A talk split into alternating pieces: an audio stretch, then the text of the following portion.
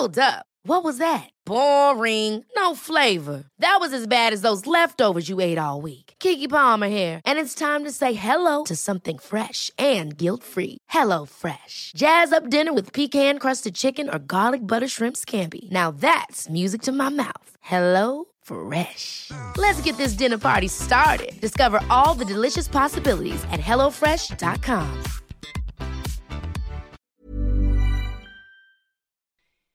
Alltså vi har ägnat år åt den här granskningen och det vi kan ha sett är ju liksom att det snabba modet, den snabba modeindustrin, i den så finns det inbyggt att det bryts mot mänskliga rättigheter och lagar för den delen. Men liksom, ja, det är, det finns en, en väldigt spridd problematik liksom.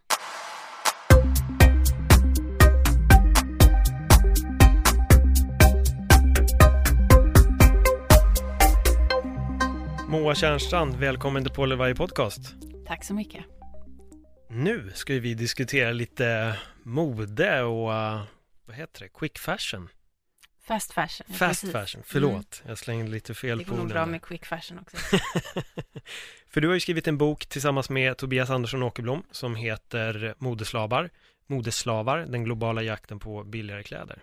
Mm. Ehm, för de som inte har hört den, hur skulle du kunna summera bara lite snabbt vad boken handlar om? Mm.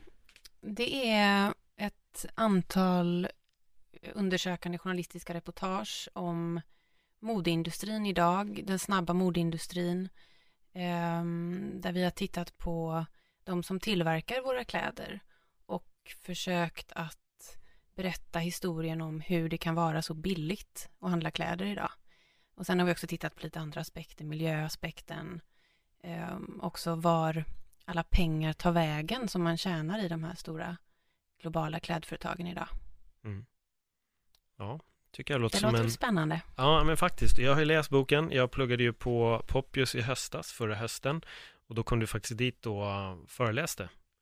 Så vi fick eh, möjlighet att snacka lite med dig. Och efter den, eller redan när jag började läsa boken så kände jag att fan, det här eh, vill jag gå lite djupare i. Och nu har jag helt plötsligt en podd. Nej, men det hade är jag inte då. jättekul verkligen att du tycker så. Mm. Ja. Men jag, jag tänkte så här, jag vill faktiskt börja med att bara läsa ett litet stycke ur, ur boken. Och det är från förorden. Börjar. Billigt. Jag vet faktiskt inte hur det kan vara så billigt. Butiksbiträdet på Gina Tricot tittar upp på oss. Hon har precis fikt ihop två blusar och två par trosor. Packat dem i en pla- plastpåse och tagit betalt 134 kronor. Och det där tycker jag är en bra, så bra start på en bok. För det är ju oftast väldigt billigt och jag kan tänka mig att man, eller jag ställer mig oftast frågan, fan vad billigt det är, men varför är det det? ja, du gör det. Ja. Ja, för jag, jag är inte så säker på att alla kanske gör det. Men jag vet ju att det är väldigt många som frågar sig det, för det är ju många av dem som vi träffar när vi är ute och föreläser som håller med dig om det. Och eh, vad var det som fick dig att börja nysta i det här? Ja, men det var ju samma fråga faktiskt. Alltså jag, jag är också konsument ehm, och brukade gå i klädaffärer och ehm, reflekterade ofta över att det var så väldigt billigt, men framförallt kanske att det fortfarande var så billigt. Alltså när jag var tonåring, eller kanske i slutet av tonåren, så kostade ett par jeans 300 spänn, ett par billiga jeans. Och det kan du få ett par billiga jeans för idag också. Och då har det gått ja, ganska lång tid sedan Mm. dess, många år. Och, ehm, så då började jag fundera kring det och så eh, eh, tog jag och Tobias och började titta på det. Och ju mer vi tittade på det, desto mer insåg vi ju att det här är ju ehm, oerhört intressant och det hänger ju ihop med så mycket i vår tid. Alltså konsumismen, ehm, men också hur våra eh, tillverknings, vår tillverkningsindustri är så global idag. Det är så långt bort så att det är jättesvårt för oss att relatera till det. Och det gäller ju inte bara kläder, det gäller ju mat, prylar, alltihop hänger ihop. Vad, vad liksom chockade dig eller er mest när ni påbörjade själva granskningen? Alltså jag vet inte om vi blev så chockade. Vi, alltså när man som journalist åker, för vi har ju åkt till många av de här länderna som, eh, där kläder tillverkas idag. Alltså det är mycket Asien. Och när man som journalist åker iväg på sådana resor så gör man ju så oerhört mycket research innan. Så vi hade ju en ganska god bild av vad vi skulle få se där. Um, så när vi väl befann oss i de här arbetarområdena, i de här um, industriområdena, för arbetarna bor ju gärna runt fabrikerna, så de bor i industriområdena. Och fick se det vi fick se där, um, så visste vi ju ungefär hur förhållandena skulle vara. Men jag tror att det som chockade mig mest var kanske liksom omfattningen av det och hur, hur, hur trötta många unga tjejer är och hur de är väldigt slitna som jobbar i fabrikerna. Ja, för de jobbar väl inte direkt 9 till 5 och sen får de gå hem va? Nej, det finns ju de som gör det också, absolut. Det kanske är mm, ett undantag åtminstone av det som vi såg, så var det ju, den stora majoriteten jobbar ju betydligt mycket mer än så. Och framförallt också många fler dagar i veckan. De har ju inte fem dagars arbetsvecka, de har ju minst sex dagar. Och sen så jobbar de då kanske 10, 12, 14 timmar. Det var ju inte ovanligt. Nej. Vad, vad är det för lön? Vad tjänar de när de jobbar så här mycket? De tjänar, generellt kan man väl säga att den grundlönen de tjänar är för låg för att de ska kunna leva på den i sina lokala förhållanden. Och då snackar vi om länder som Kambodja, Bangladesh, eh, Burma eller Myanmar som det landet heter och sådär, där vi har varit. Um, och det gör ju då i sin tur att de måste jobba övertid, eller de upplever att de måste jobba övertid. För att få in tillräckligt mycket för att kunna försörja sig och och liksom, ja, leva sitt liv, försörja sig, sin familj, köpa mat, betala hyra och sådär. Mm. Så att det är svårt att säga, jag kan inte säga liksom, ja, i Bangladesh tjänar de 600 kronor, säg. Men det säger ju inte dig så mycket om egentligen vad det innebär i den lokala kontexten, men det finns ju de som gör sådana undersökningar av hur mycket behöver man för att klara sig i, den, eh, i, den, i det lokalsamhället. Och många av de uträkningarna visar ju att det är kanske dubbelt så mycket eller tre gånger så mycket som det som de faktiskt tjänar i minimilön. Oj. Och liksom, du säger att de, de flesta bodde även nära eller till och med i de här uh, produktionsområdena eller vad, ja, vad ska precis. man kalla det? Ja. De bor liksom i Alltså det ser lite olika ut i olika länder, men om vi tar eh, Kambodja som ett exempel, så finns det stora industriområden där fabrikerna ligger, som ofta ligger då utanför stan. Och där bor arbetarna i eh, korridorsrum, alltså man tänker dig väldigt låg standard eh, studentrum. Väldigt låg standard. Men i Burma till exempel så bor många arbetare i bambuskjul som de har liksom byggt i områden runt fabrikerna. Och det är för att man ska ha nära till sitt jobb. Eh, men också för att det är liksom bara det man har råd med. Och vilka står för de eh, husen som de får bo i? Är det, företag, är det själva företagen i sig då också eller? Det finns nog fall där de gör det. Men mm. det kan vara till exempel, vi var på ett ställe i Bangladesh, i Dhaka, där vi är en Gina Tricot-fabrik och de tjejerna som jobbar där, kvinnorna, de bodde i ett slumområde och då ägs liksom hela slumområdet av en en rik snubbe som hyr ut de här plåtskjulen till de här familjerna. Och det blir ju egentligen en, alltså, så de jobbar på ett ställe och så hyr de ett ställe av deras egen arbetsgivare och betalar då alltså tillbaka en del av sin lön till den personen som de också jobbar åt på dagarna. Nej, han snubben var inte fabriksägaren, ah, okay. nej. Okay, okay. Men det finns säkert fall där man, eh, där arbetarna bor i boenden som de får genom fabriken Mm. Men, eh, och, och det är ju liksom, det är ju problematiskt på flera sätt för att om de skulle få sparken till exempel, får de bo kvar där då? Så att det finns, det är liksom både, det finns ju både positiva och negativa saker med att fabriken hjälper till med boende. Just det. Men i de fallen som vi träffade så tror inte jag att det var, då hyrde de det under and, på andra sätt eller hade byggt upp skjul eller så. För jag vet också att det, man kunde läsa en hel del om att H&M är väl de som har blivit väldigt drabbade av eh, att det här kom fram, eller om jag inte har helt, helt fel. I boken menar du? Ja. Ja, att alltså det blev vårt... lite skriverier också sen om det efter, på efterhand. Ja, men precis, för vårt, eh, vårt, eh, vårt liksom huvudsakliga avslöjande i boken som vi inte hade publicerat någon annanstans innan, det handlade ju om H&M och barnarbete som vi hittade i en fabrik i Burma. Ganska omfattande barnarbete. En fabrik som vi hade granskat under flera år. Så det var en ganska unik granskning på så sätt att vi hade kommit dit, vi hade kommit tillbaka. Vi kunde berätta om många eh, tjejer och om, om eh, hur, hur det här barnarbetet då pågick. Så då, precis, då fick ju de eh, eh, svara på den kritiken och det blev nyheter i, över hela världen verkligen. Mm. Eh, allt från liksom Australien till Kina till Tyskland till USA. Vad var det för ålder på barnen?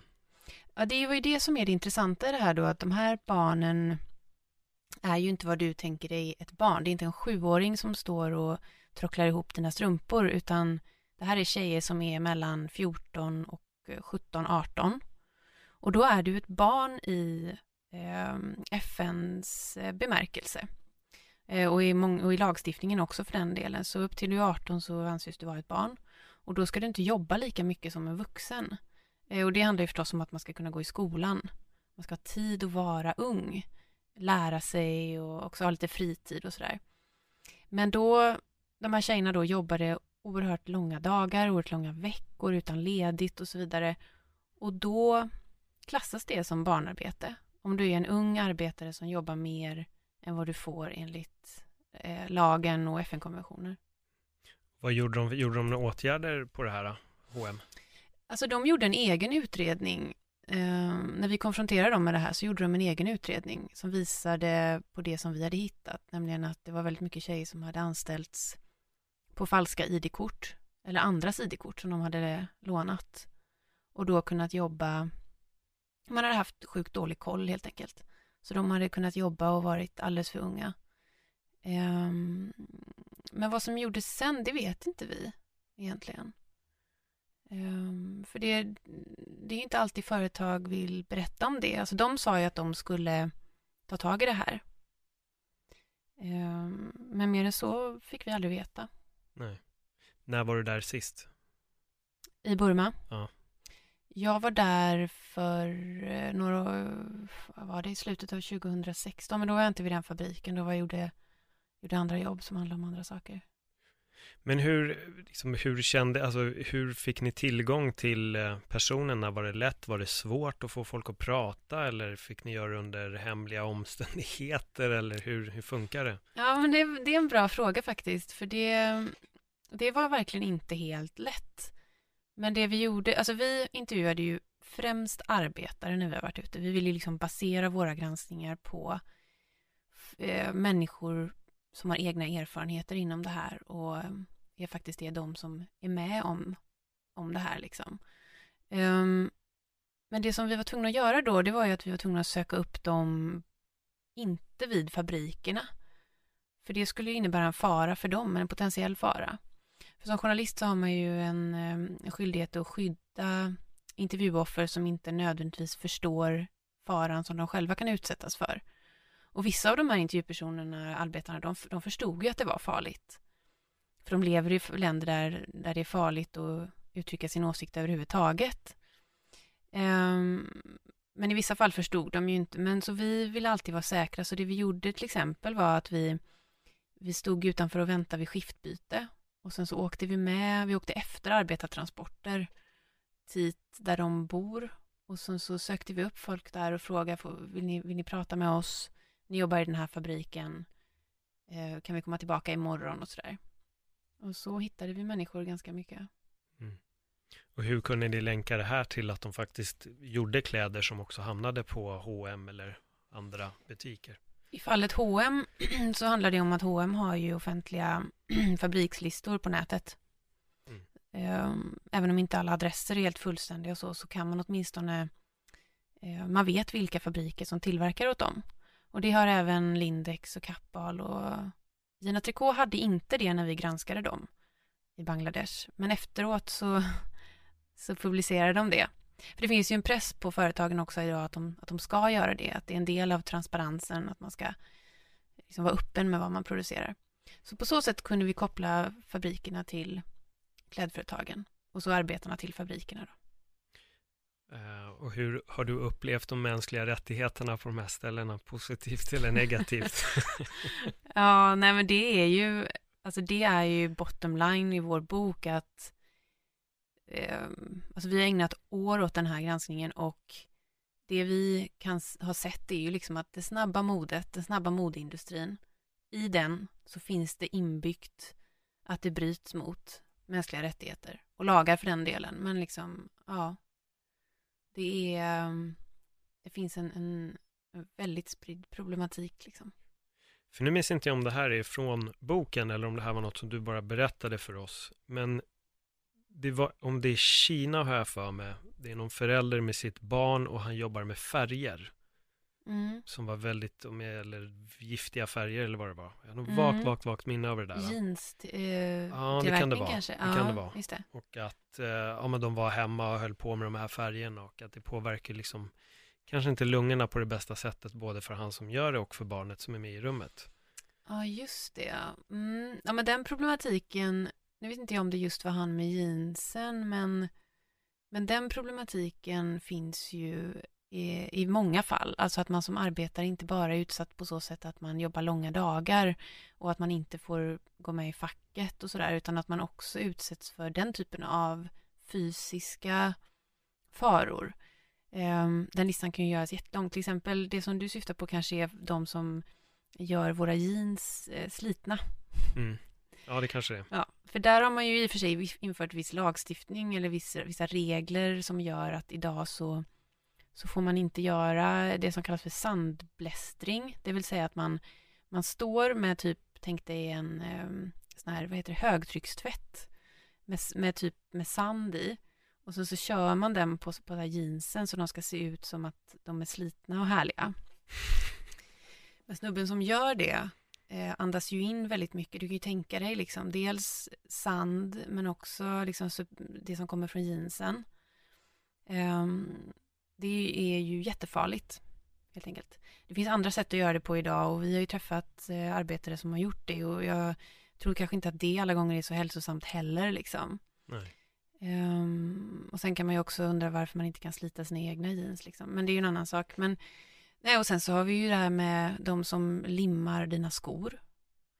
Där sitter de och limmar hela dagarna liksom i någon fabrik som är super, super varm där ångorna från limmet eh, stiger upp och det finns inte tillräcklig ventilation så att eh, folk svimmar av de här eh, ångorna från limmet och ja, alltså man kan ju göra den listan ganska lång. De som jobbar till exempel i fabrikerna där man gör läder, det som blir din skinnjacka sen, de står ju liksom och badar många gånger i eh, en cocktail av så här tungmetall och, och um, och, gifter och, och, skit liksom. Så att eh, Mm. De, de, är, de är där vi själva absolut aldrig skulle sätta oss. Nej, nej precis, men man, det är viktigt att komma ihåg att alltså, den här typen av problematik, alltså långa arbetsdagar, eh, att man inte får organisera sig fackligt, att man får dåligt betalt, att det är farligt för hälsan och så. Så var det ju i Sverige när vi hade textilindustri förr i världen. Och då var det ju migrantarbetare från Finland som kom hit och, och gjorde det här smutsiga jobbet liksom. För det, just det, det är den här med den här sjön som blir regnbågsfärgad va? Mm. Eh, vilken stad var det i? Borås. Borås. Mm.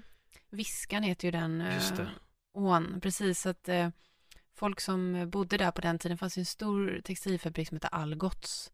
Mm. Och när man är ute, är ute och föreläser och säger Algot så är alla gamla så här, mm, det kommer jag ihåg. Men det är ju ingen annan, ingen liksom, yngre person som kommer ihåg det, men i alla fall de äldre säger då att eh, man kunde liksom se på vilken färg viskan hade för dagen vad man tillverkade i fabriken den dagen. Eh, så var det jeans så var den väldigt indigoblå. Eh, jag tycker att det är en bra illustration av hur vi, vi hade den problematiken. Idag har vi flyttat den så långt bort ifrån oss så att det blir väldigt, väldigt svårt att identifiera sig med den. Fråga bara, hur, hur är det med viskan idag? Viskan är, idag är ju viskan en, en typ ren å. Mm. Ehm, men faktum är ju att mycket av det som kom från den tiden, från färgerna och så, det ligger kvar i sedimenten i viskan. Och man vet inte hur man ska ta bort det. För börjar man gräva så åker det ju ut igen i vattnet och börjar eh, ja, gå med strömmen. Liksom. Så att man har inte kunnat sanera helt och hållet heller. Um, och ja, man ska ju inte äta fisk från, som är uppströms från de här områdena och sådär. Så att, eh, eller nedströms blir det kanske. ja, men du fattar, det, liksom vi, det var länge sedan, det var 50-60-talet. Än idag så har vi konsekvenser av det här. Och det var ju oerhört småskaligt om man jämför med hur det är till exempel Kina i, i den här um, jeanshuvudstaden i Kina där vi var i boken där man tillverkar 400 miljoner par jeans per år. Mm. Um, man kan ju tänka sig liksom hur miljön är där idag och i hur många generationer den kommer fortsätta vara dålig, även om man gör det bättre liksom. För det är lite en, en, en fråga som jag har, det är egentligen miljöpåverkan. Eh, för den måste ju vara åt helvete, rent ut sagt, där borta. Jag tänkte bara mm. om vi gjorde det vi gjorde här för 50 år sedan. Jag är uppvuxen i Örnsberg och där finns det ju fortfarande problem med Nitro Nobel. Mm. Det är vissa ställen där du inte ska gå barfota och bada. Du kan, du kan bada, men det är vissa ställen där du inte ska gå i för att liksom, marken är förorenad. Så ja. man ska helst inte gå runt där. Um, så jag menar, vi, vi har ju också fått konsekvenser, men här låter det också som att det är på en nivå av, som du säger själv, det är inte som att de producerar jeans för hundratusen pers, utan det är åt hela världen. Mm.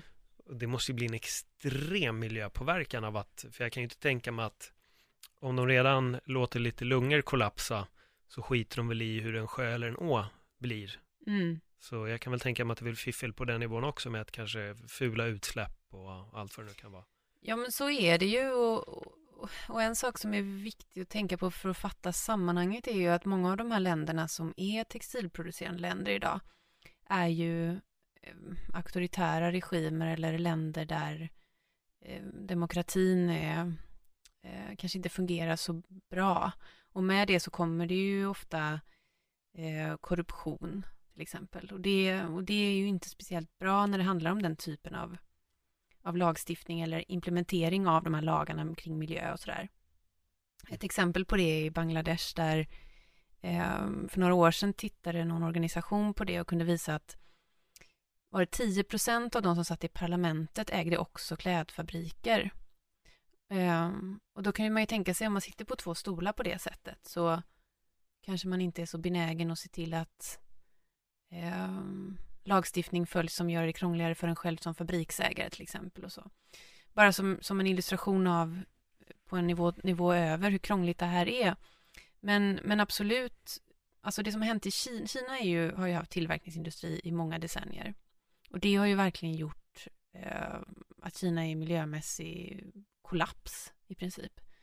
Um, och um, alltså det har, väl, det har ju varit mycket på nyheterna om att um, luften i Peking är så otroligt dålig och det ligger den här gulaktiga smoggen och de stänger in barnen och tejpar igen fönstren. Och, så det som har hänt där är att nu har den vanliga människan fått nog av de här miljöproblemen.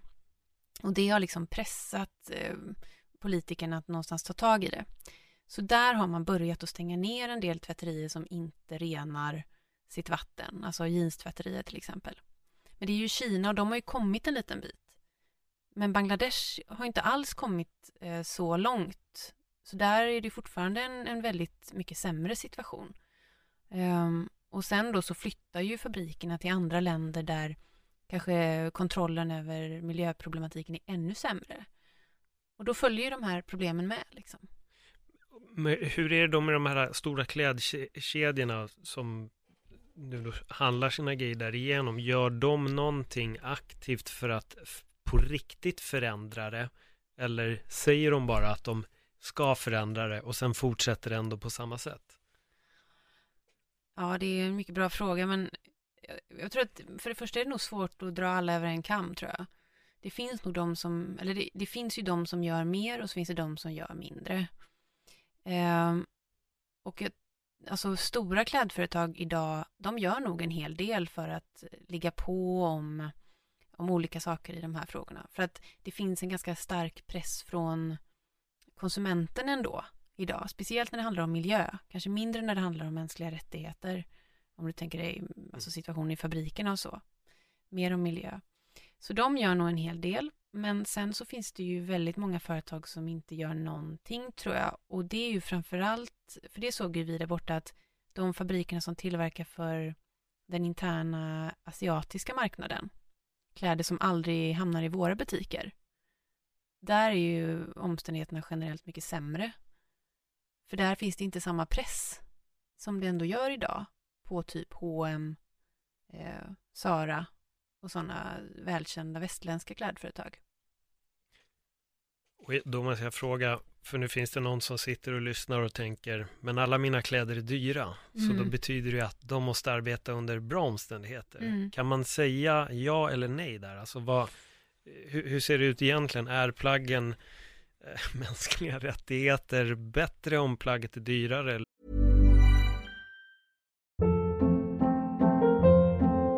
Hold up. What was that? Boring. No flavor. That was as bad as those leftovers you ate all week. Kiki Palmer here, and it's time to say hello to something fresh and guilt-free. Hello Fresh. Jazz up dinner with pecan-crusted chicken or garlic butter shrimp scampi. Now that's music to my mouth. Hello Fresh. Let's get this dinner party started. Discover all the delicious possibilities at hellofresh.com. Imagine the softest sheets you've ever felt. Now imagine them getting even softer over time. That's what you'll feel with Bowl and Branch's organic cotton sheets. In a recent customer survey, 96% replied that Bowl and Branch sheets get softer with every wash. Start getting your best night's sleep in these sheets that get softer and softer for years to come. Try their sheets with a 30-night guarantee. Plus, get 15% off your first order at bowlandbranch.com. Code BUTTERY. Exclusions apply. See site for details. Eller är det kanske samma, samma sak? Ja, vi har ju inte tittat på några dyrare märken i våra granskningar för vi har ju hållit oss till det här snabba modet. Och i det snabba modet så ingår det att det ska vara billigt så att vi ska kunna så att säga uppdatera vår garderob inom citattecken så ofta. Gärna var tredje månad. Ja, nej, det är ju lite för sällan. Det ska ju gärna vara lite oftare än så. Um, nej, men svaret på den frågan är ju eh, nej. Alltså dyra priser garanterar inte att kläderna är tillverkade under bättre omständigheter nödvändigtvis. Mm. Det kan vara så, men det kan också vara inte så. Um, för att um, det skulle kunna vara så att kläderna är sydda i liknande fabriker. Men det finns ju en, alltså om man nu som konsument undrar kring det där och tycker att man har dyra man köper dyra kläder och de borde vara bättre och så. Så kan man ju tänka liksom att de kanske är bättre kvalitet och de kanske håller längre. Och om man som konsument använder dem längre, då har man ju en mindre miljöpåverkan på det sättet i alla fall. Alltså, men det handlar ju inte om mänskliga rättigheter, utan då handlar det om den miljöpåverkan man själv som konsument står för genom sin konsumtion. Vad tror du är som gör att vi är så, att vi hela tiden vill investera i nya kläder konstant, konstant, konstant, konstant. För att jag tycker att tittar man tillbaka, jag vet inte om det var kanske när jag var yngre, men då upplevde jag inte att det kändes som att man kunde ha grejer längre. Det var inte det här att hela tiden skulle köpas nytt, nytt, nytt, nytt, nytt. Mm. när blev det en liksom eskalering på den här pendeln om man nu säger så? Mm. Det skedde någon gång någon gång på 90-talet skulle jag säga. Någon gång där slutet andra halvan på 90-talet. Um, ehm, när vi på något sätt började konsumera, alltså det påbörjades ju innan dess, när vi började konsumera i en större utsträckning och, eh, och uppdatera vår garderob oftare. Och jag, jag, tror att det är svårt att säga faktiskt vad det, exakt vad det beror på. Det är nog flera samhällsförändringar. Um, men det handlar ju förstås också om att ett skapat behov hos oss som konsumenter. Um, om att liksom, om modet förändras hela tiden och det släpps uh, nya kläder varje vecka, då blir ju de man hade förra veckan blir ju ute, så man får köpa nya. Alltså, är du med mig? Ju, ja, hundra procent. Och det är ju någonting som, som klädföretagen under den, under den här perioden när det var, när det inte ifrågasattes så mycket, så var ju det väldigt mycket deras, de var tydliga med den affärsidén. Som, jag vet inte om du minns det, men Dina Tricot hade ju faktiskt en, en, en reklam som var så. Nyheter varje fredag. Och sen tror jag till och med ett tag det var så här, nyheter varje dag. Idag så skulle man ju inte eh, marknadsföra sig med den sloganen. Nej. För det har förändrats sen dess och det har gått ganska fort. Nu skulle man snarare gå på ja, hållbarhetsmarknadsföringen skulle jag säga när det gäller miljö kanske. Men nu har jag sladdat iväg här i något annat resonemang. Men, Ja, men nej, men jag håller med. Alltså när, vi, när man var liten, då hade man kläder längre, men jag tror att kvaliteten var bättre också. Mm. På det man köpte. Och man hade liksom ett annat tänk kring hur man investerade i kläder. Jo, för jag tänker till exempel på så här mor och farföräldrar. Alltså, där var det ju typ som att de köpte en kostym när de hade nått sin längd och sen, den hade man. Den hade man, precis. Men nu är ju en kostym som, den är ju utdaterad på ett år liksom. Och då Ja. har man ungefär, fan den här ser ju inte ut som alla andra kostymer. Helt plötsligt så har man något som är gammalt. precis. Ehm, och- det är något jag tycker att man kan märka. Nu kanske det äldre människor är rätt på den ramen för att jag tror inte att de tänker heller att jag måste ha det senaste. Men frågan är hur vi blir när vi blir äldre, när vår Mm. generation är äldre. Kommer Mm. vi vara beroende vid 80-90 års ålder? av, Fan alltså, jag hade en t-shirt som är tre månader gammal, jag måste köpa en ny. Men det är ju inte alla, eh, alltså i vår ålder eller man ska säga, som, som tänker så heller. Nej, nej, absolut inte. Alltså det, jag tycker mig märka någonstans, nu är det visserligen så att när jag är ute och föreläser så träffar jag ju oftast de som är, jag predikar ju för kören, eller vad man ska säga, alltså det är ju folk som redan funderar kring de här frågorna. Och då är det ju inte representativt, representabelt kanske, för hela befolkningen. Men jag tycker ändå att jag märker att det finns många som funderar kring de här sakerna och sin konsumtion och, och, ehm, och är ganska eh, fundersamma kring, kring det och vill gärna ändra sitt beteende och på något sätt har, har förstått att eh, den här vägen är inte miljömässigt hållbar liksom. Men sen såklart så finns det ju skitmånga som, som är ute och handlar eh, i butikerna och, och spontanköper och har massa kläder och slänger massa kläder och så. Men jag, jag tycker mig märka att det finns två parallella spår liksom. Mm. För jag har nog alltid varit lite sån att jag har varit ganska, jag vet inte, jag köper någon gång ibland. Jag har nog aldrig varit den här storkonsumenten av, av kläder på det sättet. Utan jag är mer, jag har grejerna tills man inte behöver ha dem längre. Istället för att bara köpa nytt, nytt, nytt, nytt, nytt. Men nu kommer jag in på så här manligt och kvinnligt. Men Mm. kan man se skillnad på män och kvinnor? Konsumerar någon mer eller är det lika? Konsumerar män på samma sätt som kvinnor konsumerar den här typen av mode? Oj, det vet jag faktiskt inte hur det ser ut med just det. Det är väldigt svårt för att de siffrorna som finns är ju från eh, Statistiska centralbyrån och de handlar ju bara om hur mycket vi köper, hur mycket textilier vi köper. Det är väldigt så här gravt tillyxade siffror. Det säger ju inte ens, det är ju inte ens bara kläder, det är också alltså lakan och handdukar, annan textil. Men, eh, men det, det som många säger som är duktiga på mode, nu kan inte jag någonting om mode liksom på det sättet, men det är ju att manligt mode, eller vad man ska säga, är ofta lite mer tidlöst.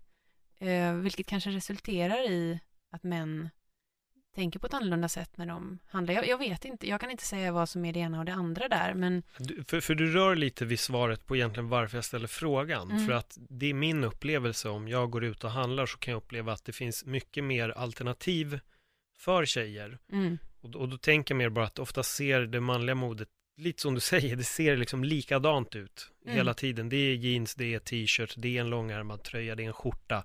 Det händer liksom inget Nej. speciellt. Medan den, den kvinnliga modet har en mycket, mycket större förändring. Men det är jag också som en icke-modeföljande man som, mm, som, som resonerar så. Jag kanske, jag kanske är helt ute och cyklar, men, men det är min upplevelse när jag går in i en butik. Jag tycker det finns mycket, mycket mer alternativ. Eh, mer variation skulle jag nog säga. mm, Att eh, jag kan uppleva att för män så är det liksom, det är t-shirt, det är skjorta. Sen händer inte så mycket mer, men för det finns en kjol, det finns en klänning, det finns jeans, det finns, finns mer bara. mm. Ja, Ibland- men så är det ju liksom. Men, eh, och jag menar återigen, jag, jag känner mig väldigt mycket som att jag är ute på marker jag inte känner till. Eftersom att jag sällan eh, shoppar i klädaffärer och sådär själv. Men, men, men så, så är det ju. Men vad orsaken till det är, det vet jag inte om. Det är att, eh, att alltså, företag har ju en tendens att agera som de tror att kunderna vill att de ska agera. Och jag antar att de har, har eh, snappat upp då att kvinnor är mer intresserade av att uppdatera sin garderob ofta. Mm. Därför så frontar de med damavdelningen eller de, den är mycket större, den har mycket mer utbud och så. Jag vet inte. För jag tänker lite på dels min ex-flickvän och min, eh, min mamma, men det är klassiska det här med att det görs en rensning i garderoben och så är det ganska många plagg som fortfarande har prislappen på. Oj, herregud. Vilket jag tycker är ganska lustigt. Jag tror inte jag har haft någonting med prislappen på, kvar på, men, men som sagt, jag, jag, ja, jag vet inte. Det Men är är, en, är inte det en ganska bra illustration av, av vår tid faktiskt? Alltså absolut. att vi, ja, det är ju jätteintressant liksom att vi konsumerar i en sån takt så att vi hinner inte ens ta av prislappen innan det är dags att, att slänga ut plagget igen för att det är omodernt eller vi har slutat gilla det för att vi, vår liksom attention span är så kort på något sätt. Mm. Och det är ju det någonstans, jag menar, det är alltid svårt att säga vad som är hönan och vad som är ägget, men det är ju den typen av konsumtionsbeteende som, som gör de här snabba modeföretagen möjliga att bedriva sin verksamhet någonstans. Ja, det fortsätter ju producera och folk vill ha. Det, det är väl kanske ett ha-begär hos människan, eller? Ja, alltså så är det ju och, och, och, och det är ju samma sak med de här tjejerna som, som vi har träffat ute i världen. Alltså, det är ju, de har ju samma känslor. Vi, det var några tjejer som vi följde med ut en dag. Det var deras enda lediga dag och de var ganska ja, men unga tjejer där i Burma och iklädda varsin, såg ut som någon slags pyjamas på sin lediga dag och så gick vi ut där, de gick arm i arm och så skulle vi gå och shoppa. Och då ville de köpa liksom hårspännen och flipflops och alltså det är ju samma sak för dem liksom. De är ju en del av det här som vi och det var ganska intressant att se. Det är som att det är, det är samma sak där liksom. Vad, vad, liksom, vad, vad tänkte du när de ville shoppa de här grejerna som ni ändå håller på och granskar? Att folk blir utnyttjade och så köper de de sakerna själva. Um, nej men det jag tänkte var väl att eh, tänk vad de, tänk när de länderna eh, när liksom medelklassen växer där och, och alla ska konsumera i den utsträckningen vi gör. Både kläder, prylar och resor och bilar och allt vad du vill. Jag menar, kommer vår planet att klara av det? var väl det jag tänkte på något sätt. För de har ju fortfarande så otroligt lite pengar att spendera på Alltså de, det, det de shoppade var ju några, några liksom hårspännen och typ en Coca-Cola liksom. Men, men när den dagen kommer när alla de här befolkningarna i de här länderna får mer pengar så ja, jag undrar, man undrar hur jordklotet ska klara det liksom. Vad tror du? Ja, jag är inte expert på just det, men, men det är ju ja, det är ju lite oroande liksom. Jag måste fråga om ehm, återvinna kläder. Mm. Funkar det eller funkar inte det? Eh, det funkar inte så bra. Nej, för de säger Än. väl ändå att det Mm. går att återvinna va? Ja, men precis. Ja, men det är mycket det här, lämna in en påse kläder här hos oss och så får du en eh, rabattcheck på 20% i ditt nästa köp. Och då, och så pratar man liksom om closing the loop, alltså sluta kretsloppet och sådär. Och då får man ju som konsument intrycket av att, eller tycker jag, jag vet inte om du håller med, men att, att man stoppar in gamla kläder i liksom ena ändan och så ut i andra änden och så kan man liksom plocka ut nya kläder i andra ändan. Och då är man safe liksom. Men jag tror att det är två, är det? 2 procent av alla kläder eller mindre, nej, mindre än en procent. Jag vet inte, det är väldigt, väldigt lite i alla fall som återvinns idag. Av det du lämnar in till så att säga återvinning så säljs det mesta på andrahandsmarknaden i eh, Afrika till exempel. Mm. Ehm, och det är ju ett- det är problematiskt i sig. Det kan man ju snacka mycket om också. Eh, för att det slår ut eh, alltså kläd, an, andra klädmarknaden där på plats och så vidare. Det är en sak. Men det här med återvinningen, alltså mm, problemet med det är till exempel, tänk att du har ett par jeans, ett par tjejjeans. I dem så finns det kanske ett par procent elastan för att de ska vara lite stretchiga. När du ska återvinna dem så blir ju, hamnar ju elastanet liksom all over the place. Så jeansen blir ju helt Alltså de blir ju jättekonstiga i formen. Det blir liksom inte stretchen som du tänker dig eh, att stretch jeans är när de är eh, som du köper dem i affären liksom. Så det är problemet med att återvinna. Mm. Att man kan inte, idag är det väldigt svårt att återvinna materialblandningar. Är det 100% vit bomull, då kan man liksom göra det i viss utsträckning. Även annan bomull och sådär. Och det görs, eh, finns ju något företag i Karlstad tror jag det är som har gjort, eh, tillverkat liksom återvunna klänningar i bomull och sådär. Så att det tas ju steg och många stora klädföretag är ju intresserade av den här tekniken. Och vissa har även investerat i den. För att man ser ju någonstans att eh, ja, det är ju ett bra eh, sätt att eh, prata om hållbarhet liksom. Att man återvinner kläder. Men idag inte mycket alltså. Nej. Men hur, hur ser, har man någon framtidsprognos på det där om hur det kan bli om några år eller vad? Alltså de forskarna som jag har intervjuat när det gäller det här, de är ju inne på att alltså storskalig återvinning, det är långt bort. Mm. Däremot så eh, återvinner man ju till exempel petflaskor och gör träningskläder av dem och sådär. Och gör tröjor eller ja, poly polyester då, Pla plast är det ju liksom. Men hur Mm. bra är det?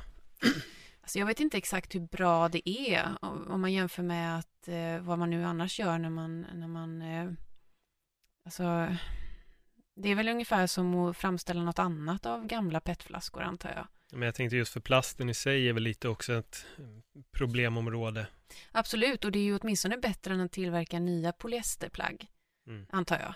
Mm. Ehm, men det är ju liksom inte gamla polyesterplagg som blir nya polyesterplagg, utan det är ju då petflaskor som blir, ja, när det står återvunnen polyester så är det det det är. Jaha, okej. Mm. Ja. Det hade jag faktiskt ingen aning om.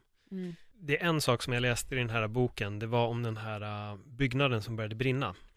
Det- Du menar den fabriken som, det, som, det huset som rasade ihop? Exakt. Ja, just det. Ehm, ja, det var ju i Bangladesh, i Dhaka, huvudstaden i Bangladesh, 2013 på våren, i april. Och ehm, om du tänker dig ett industriområde där det är så här torrt och jättemycket människor och ehm, där det finns höga byggnader där fabriker är inhysta på olika våningsplan. Och I det här fallet så var det en åttavåningsbyggnad.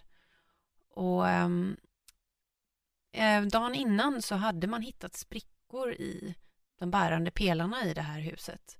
Eh, vilket hade gjort att man hade tagit dit en ingenjör från ett lokalt universitet som hade tittat på byggnaden och sagt att nej men här inne kan vi inte ha människor. Men dagen efter så blev arbetarna ändå inskickade för att jobba i de här fabrikerna på de här tre våningsplanen då. Det var ju tusentals arbetare. Um, och precis när morgonpasset hade börjat så känner arbetarna en stark skakning och hör ett ljud som de beskriver ungefär som att ett flygplan går in för landning. Och sen så rasar huset ihop. Det liksom viker sig inåt som ett korthus ungefär. Ser man på bilderna sen efteråt.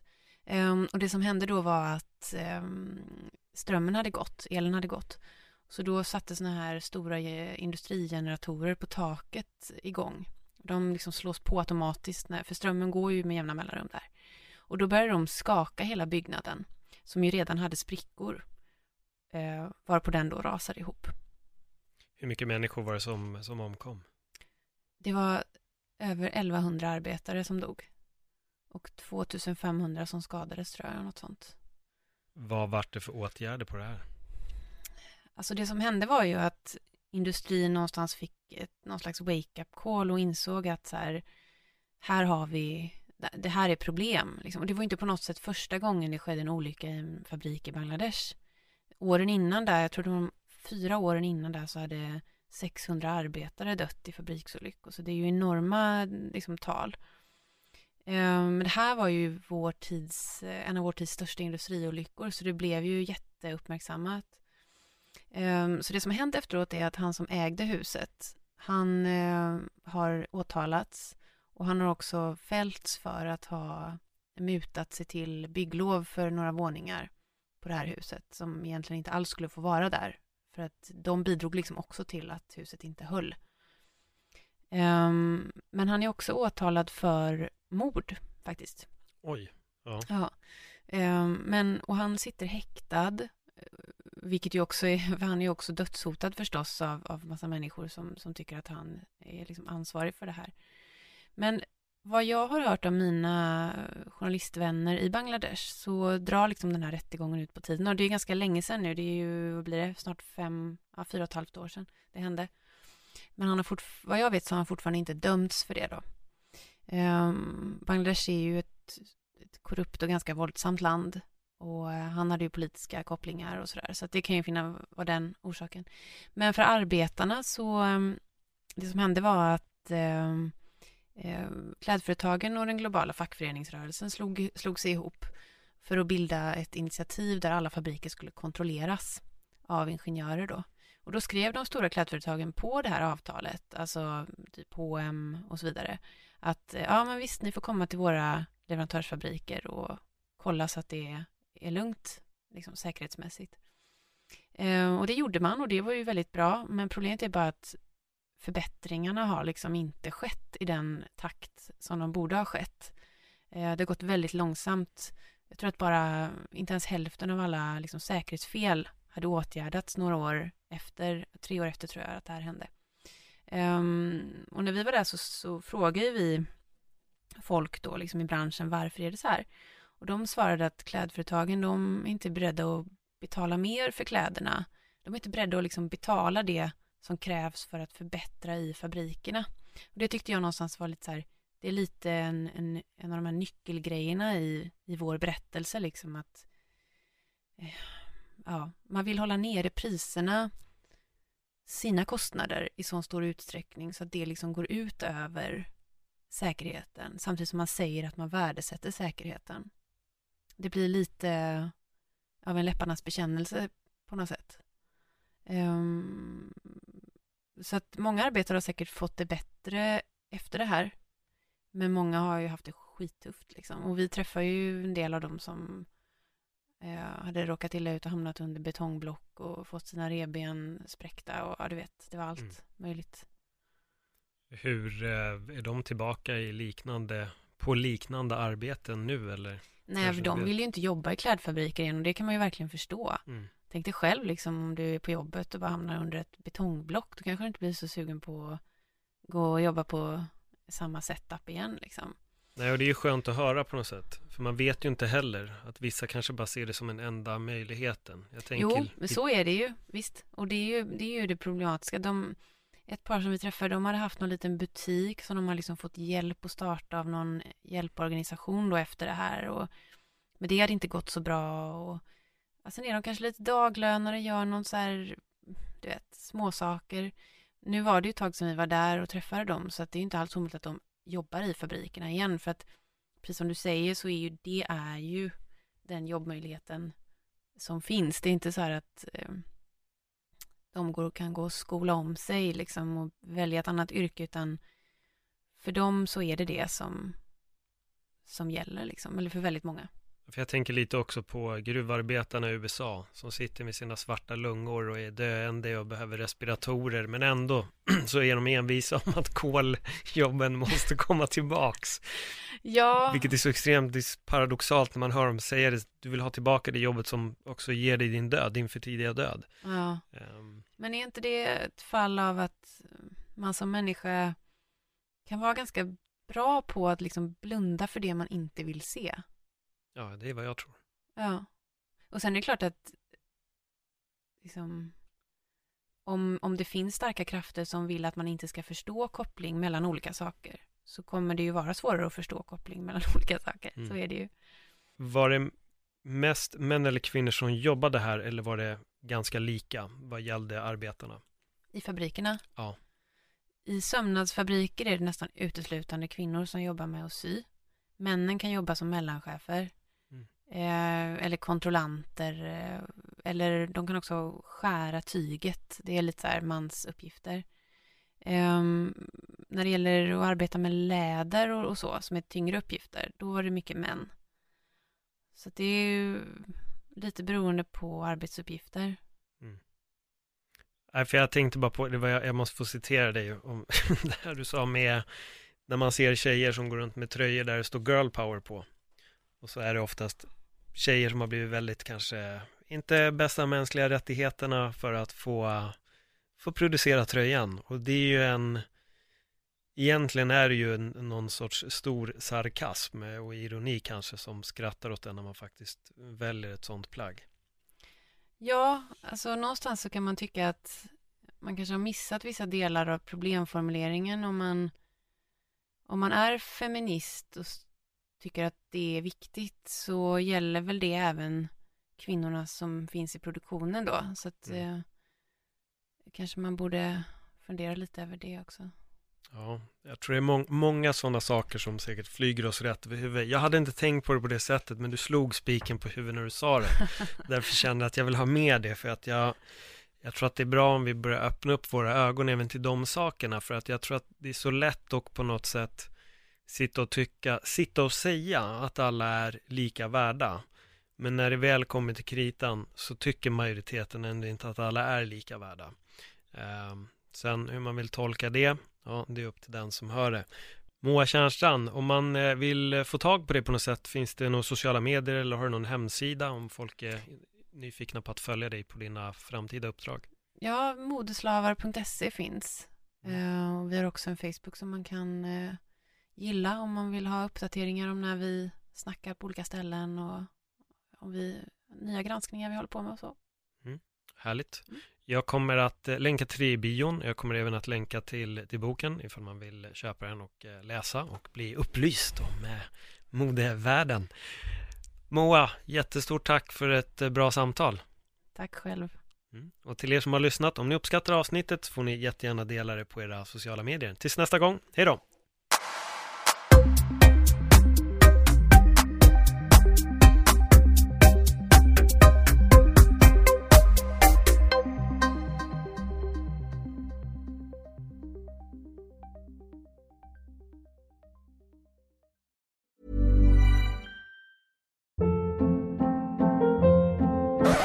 Up. What was that? Boring. No flavor. That was as bad as those leftovers you ate all week. Kiki Palmer here, and it's time to say hello to something fresh and guilt-free. Hello Fresh. Jazz up dinner with pecan-crusted chicken or garlic butter shrimp scampi. Now that's music to my mouth. Hello Fresh. Let's get this dinner party started. Discover all the delicious possibilities at hellofresh.com.